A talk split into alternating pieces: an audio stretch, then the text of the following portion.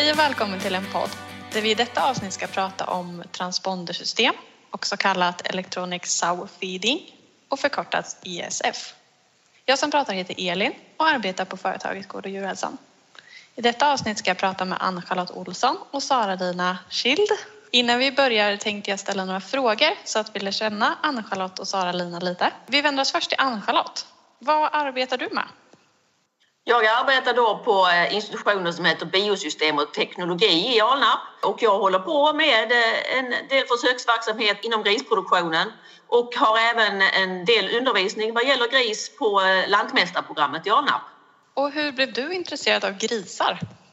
Jag har ju alltid varit intresserad av djur och sen råkade det bli så. Jag är född på en gård och där hade vi både kor och grisar. Och sen råkade det bli så när jag eh, var färdig med min husdjursagronomexamen att det var ett grisjobb jag fick och sen har jag eh, blivit mer och mer intresserad av, av grisar på, på det sättet och, och lärt mig mer och mer. De är mycket fascinerande djur ju, ju mer man lär sig om dem. Intelligenta och smarta djur. Och vad skulle du säga är det bästa med ditt jobb? Varierande mycket variation. Det är både man är ute och, och tittar liksom och gör försök och sen träffar man ungdomar på, på utbildningen och så vidare. Det, det är mycket variation i jobbet. Det är väl det bästa. Och då vänder jag mig till eh, Sara-Lina istället och är lite bekväm men kör samma frågor här. Vad arbetar du med? Jamen, det är samma sted och samma grupp som Ann-Charlotte och jag arbetar också huvudsakligen med svineproduktion. Och hur blev du intresserad av gris? Ja, nu havde jeg lidt tid til at fundere over det. Jeg tror, da jeg, jeg er vokset op i byen, øh, og jeg er dansk, som man kan høre.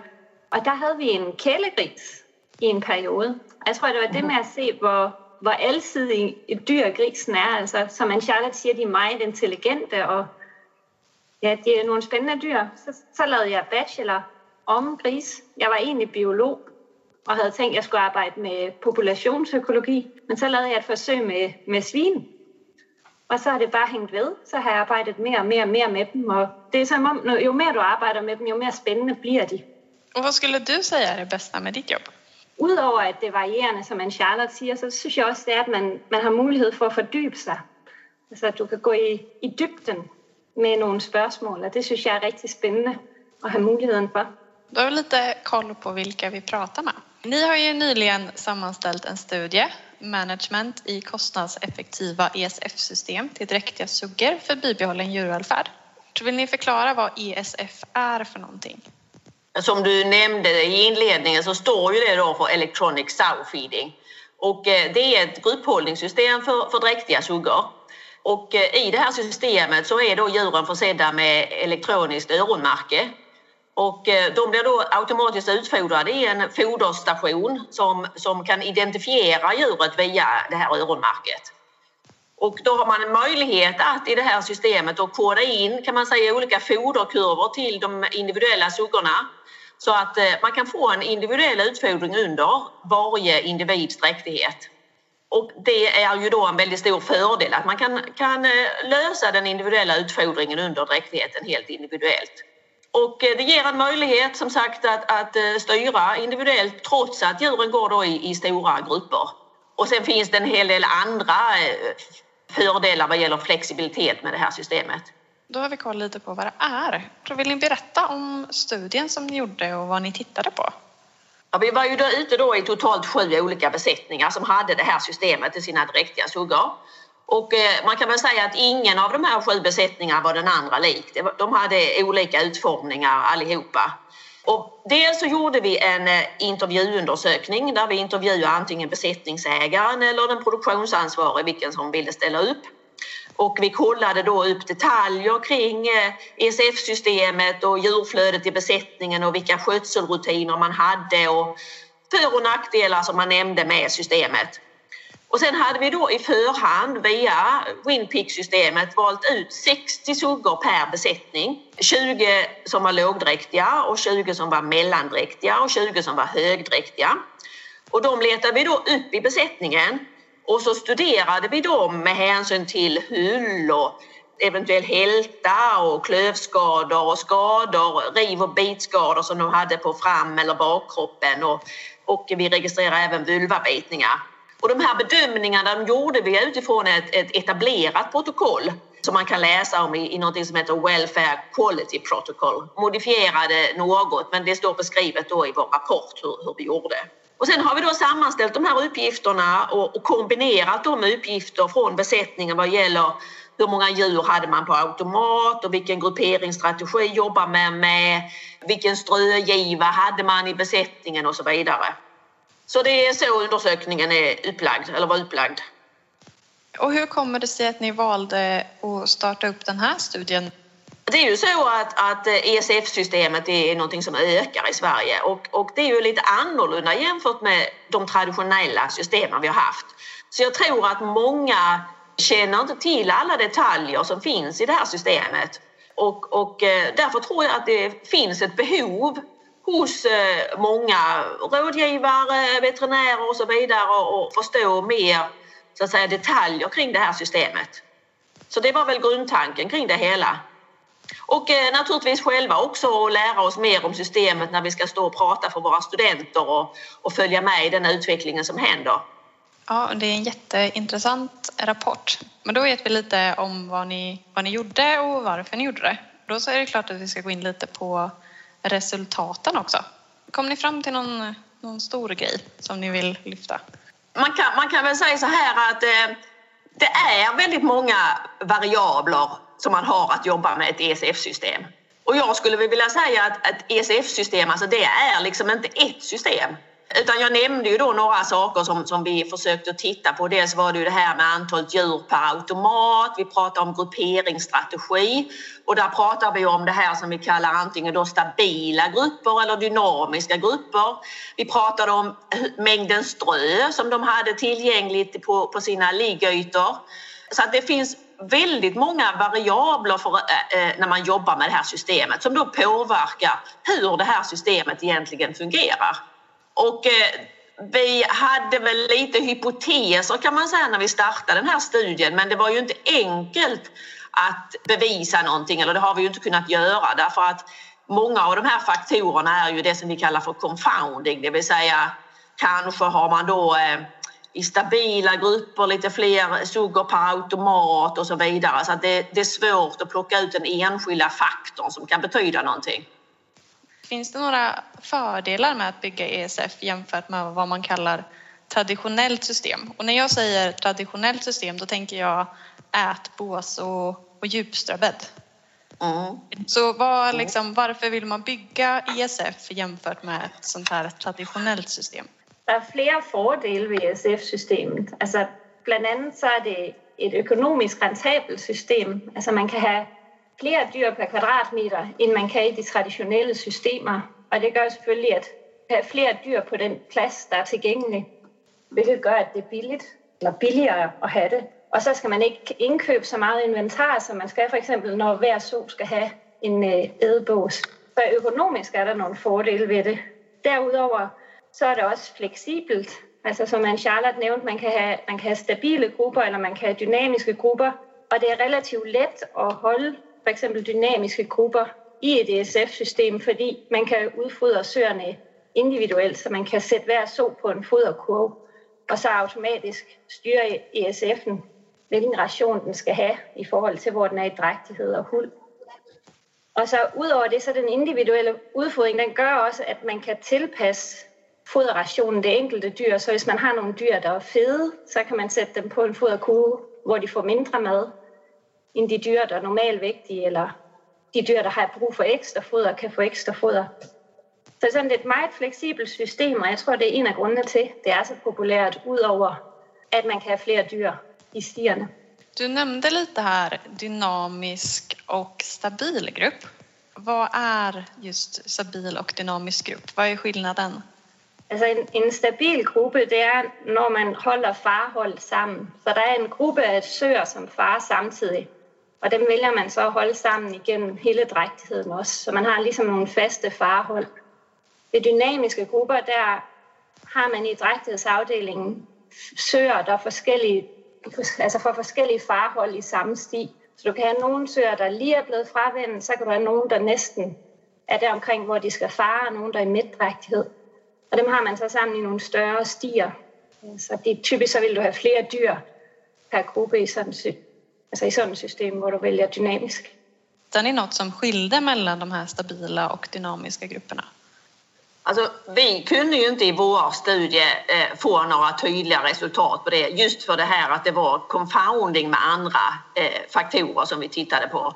Bland annat då det här med antal djur per automat. Men vi har ju läst ganska mycket litteratur. Det finns ju andra studier gjorda runt om i världen kring det här.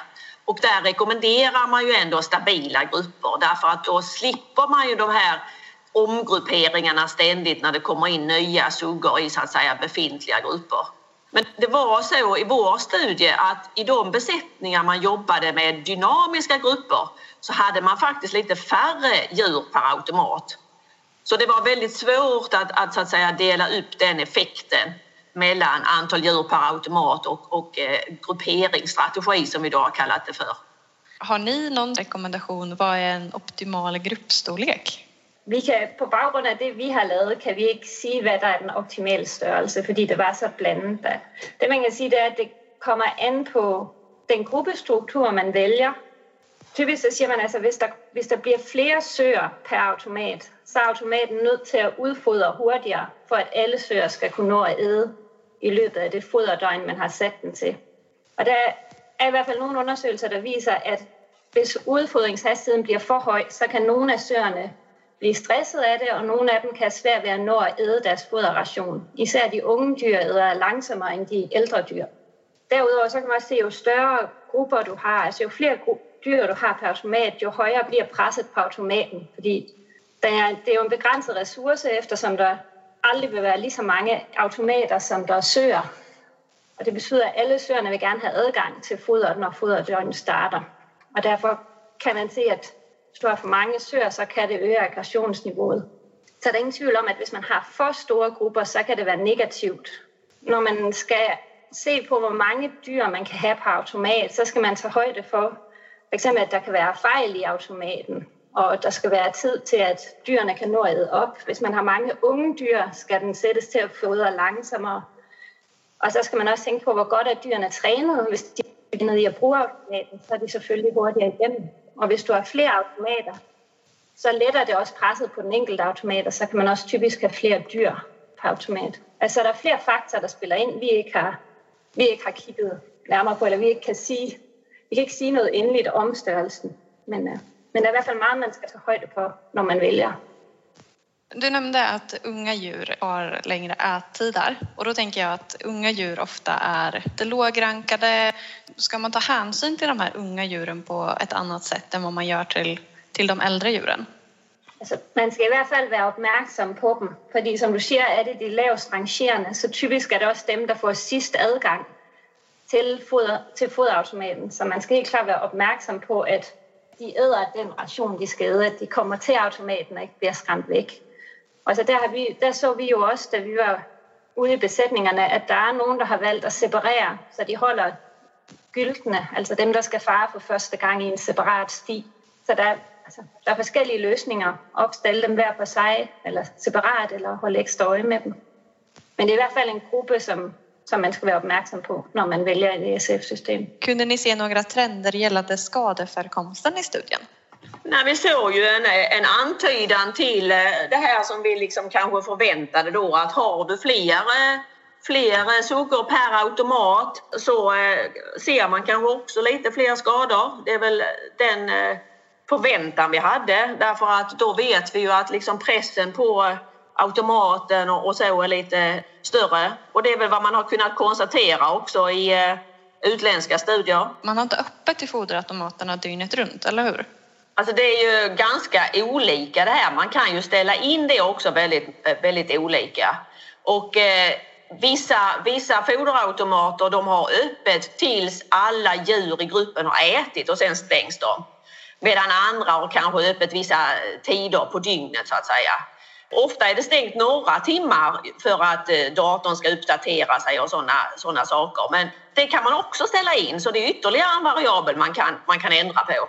För det jag noterar var att de flesta verkar öppna automaterna på natten eller tidigt på morgonen. Varför vill man göra så?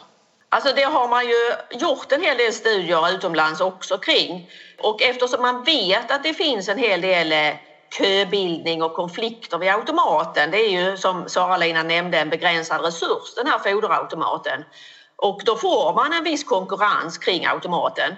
Och då har man konstaterat det att om man har utfodringen under en tidpunkt på dygnet när egentligen suggorna är lite mindre aktiva så får man en, en lugnare miljö.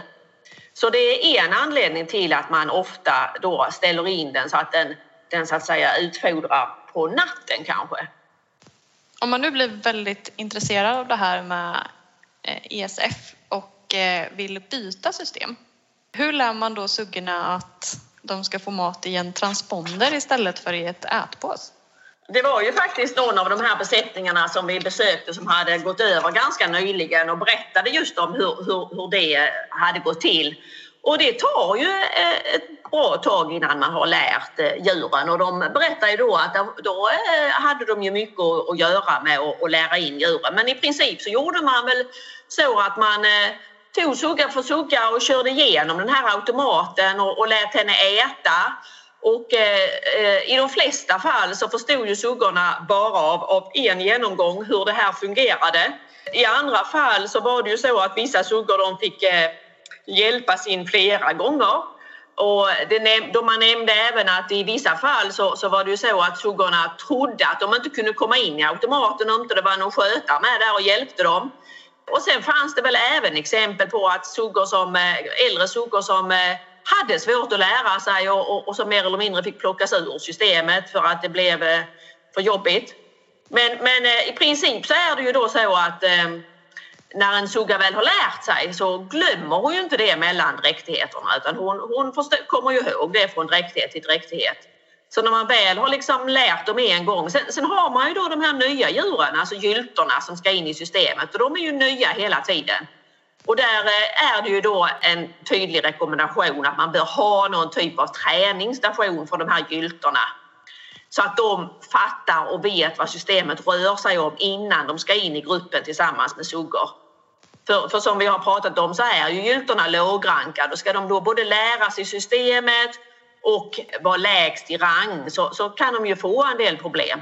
Så, så det är en, en tydlig rekommendation att man ska ha en sån här inlärningsstation till gyltorna innan man sätter in dem tillsammans med suggorna i, i ett ESF-system. Det låter som en härlig utmaning ändå. Pratar ju om ESF och då syftar vi ju på dräktiga djur som går i de här systemen. För djurförädlet det brukar funka så att eh, de grisar och sen så avvänjer man dem. Då tar man dem till en betäckningsavdelning och sen får de vara i den här beteckningsavdelningen en period innan de flyttar till eh, ESF. Vad skulle ni säga är en bra tidpunkt att flytta sina djur från beteckningsavdelningen till den här ESF? Så man brukar ju säga det att man ska inte flytta djuren under den här implantationsperioden som då är mellan 10 till 24 dagar efter, efter semineringen eller beteckningen. Så antingen får man då försöka flytta de här djuren över till ESF någorlunda direkt efter man semineringen är klar. Eller så får man då vänta så att man kanske till och med har dräktighetstestat i eh, semineringsavdelningen och innan man flyttar över dem till, till ESF-systemet. Säger du att ESF är ett system som passar alla typer av producenter? Med dem vi var ute ved, vi var ude med någon som var meget øh, eh, och og för systemet. Och så var vi ude med någon som var mindre begeistrad för det. Så alltså, vi mötte både någon, någon som var positiv och någon som inte var positiv. En av de kommentarer, vi fick från besättningarna det var, att det är ett system, som kräver att man har något intresse i teknik. Altså, for man skal, man skal være interesseret i, i teknikken bag, sådan, så man kan udnytte funktionerne i systemet. Og man skal også sætte tid af til, at man skal, man skal lære at bruge systemet, og man skal være interesseret i at lære dyrene at bruge systemet også. Så selvfølgelig, det kræver, at man har nogle interesser, men uh, ja, vi mødte nogen, der var positive og nogen, der ikke var. Hur ser användningen ut i Sverige idag? Är det ett vanligt förekommande system? Har egentligen, vi har egentligen ingen statistik på det, men alltså jag eh, hör ju ändå om när man eh, bygger nytt att det är väldigt ofta man satsar på det här ESF-systemet. Så jag tror att det är något som, eh, som kommer mer och mer framöver och just eftersom det har de fördelarna som Sara-Lena nämnde tidigare. Vi pratar ofta om den svenska modellen som bygger på god djuromsorg, minimalt användande av antibiotika och unikt friska djur. Har vi samma möjlighet att uppnå det i ett ESF-system som i de systemen som är vanligast förekommande i Sverige idag? Ja, alltså som vi har nämnt tidigare så menar ju vi att man inte kan betrakta ESF som ett enhetligt system utan det är egentligen många system med, med, med många olika faktorer som kan varieras. Och vi har ju sett lösningar med både mindre och större mängder halm till exempel på liggytan eller man har gett halm i, i halmhäckar till suggorna. Vi har ju också sett olika antal suggor per foderautomat och vi har sett stabila respektive dynamiska grupper. Vi har sett små och stora grupper. Så jag måste väl säga att, att man får liksom gå in och titta på varje enskild utformning och fundera över hur, hur väl man kan anpassa det till det här som vi då pratar den svenska modellen. Så, så absolut, beroende på utformning så, så, så finns det ju sådana möjligheter. Ja, men den är jätteintressant läsning. Jag tänkte att jag lägger in en länk i själva beskrivningen av, av podden till er mm. hemsida kanske. Ja, men det är ju jättetrevligt om det blir använt det vi har jobbat med. Mm. Eh, och eh, jag tycker att det är viktigt att liksom alla förstår mer hur det här systemet fungerar och, och, och, så. Och det är väldigt viktigt för oss själva också tycker jag när vi undervisar våra kommande studenter och grisproducenter. Galna. Och vad har ni på gång härnäst? Ja, vi har faktiskt vi, har, vi kör vidare med ESF-systemet och vi är i full gång med att samla data in. Det, det är en besättning där man har stabila grupper. Där prövar vi att tilldela hösilage för att se om vi kan minska trykket lidt omkring ESF'en, altså prøve at mindske konkurrencen, især, især i starten, efter sammenblanding af det der, man, altså ser man konkurrencen i de stabile grupper, men vi vil så give høsilage igennem hele drægtigheden, og så se, hvordan påvirker det dynamikken i gruppen og konkurrence omkring ESF'en. Intressant. Ja. ja, men då får jag tacka så himla mycket att ni ville berätta lite om er studie och utbilda oss lite i ESF. Okej, okay, tackar dig också. Trevligt.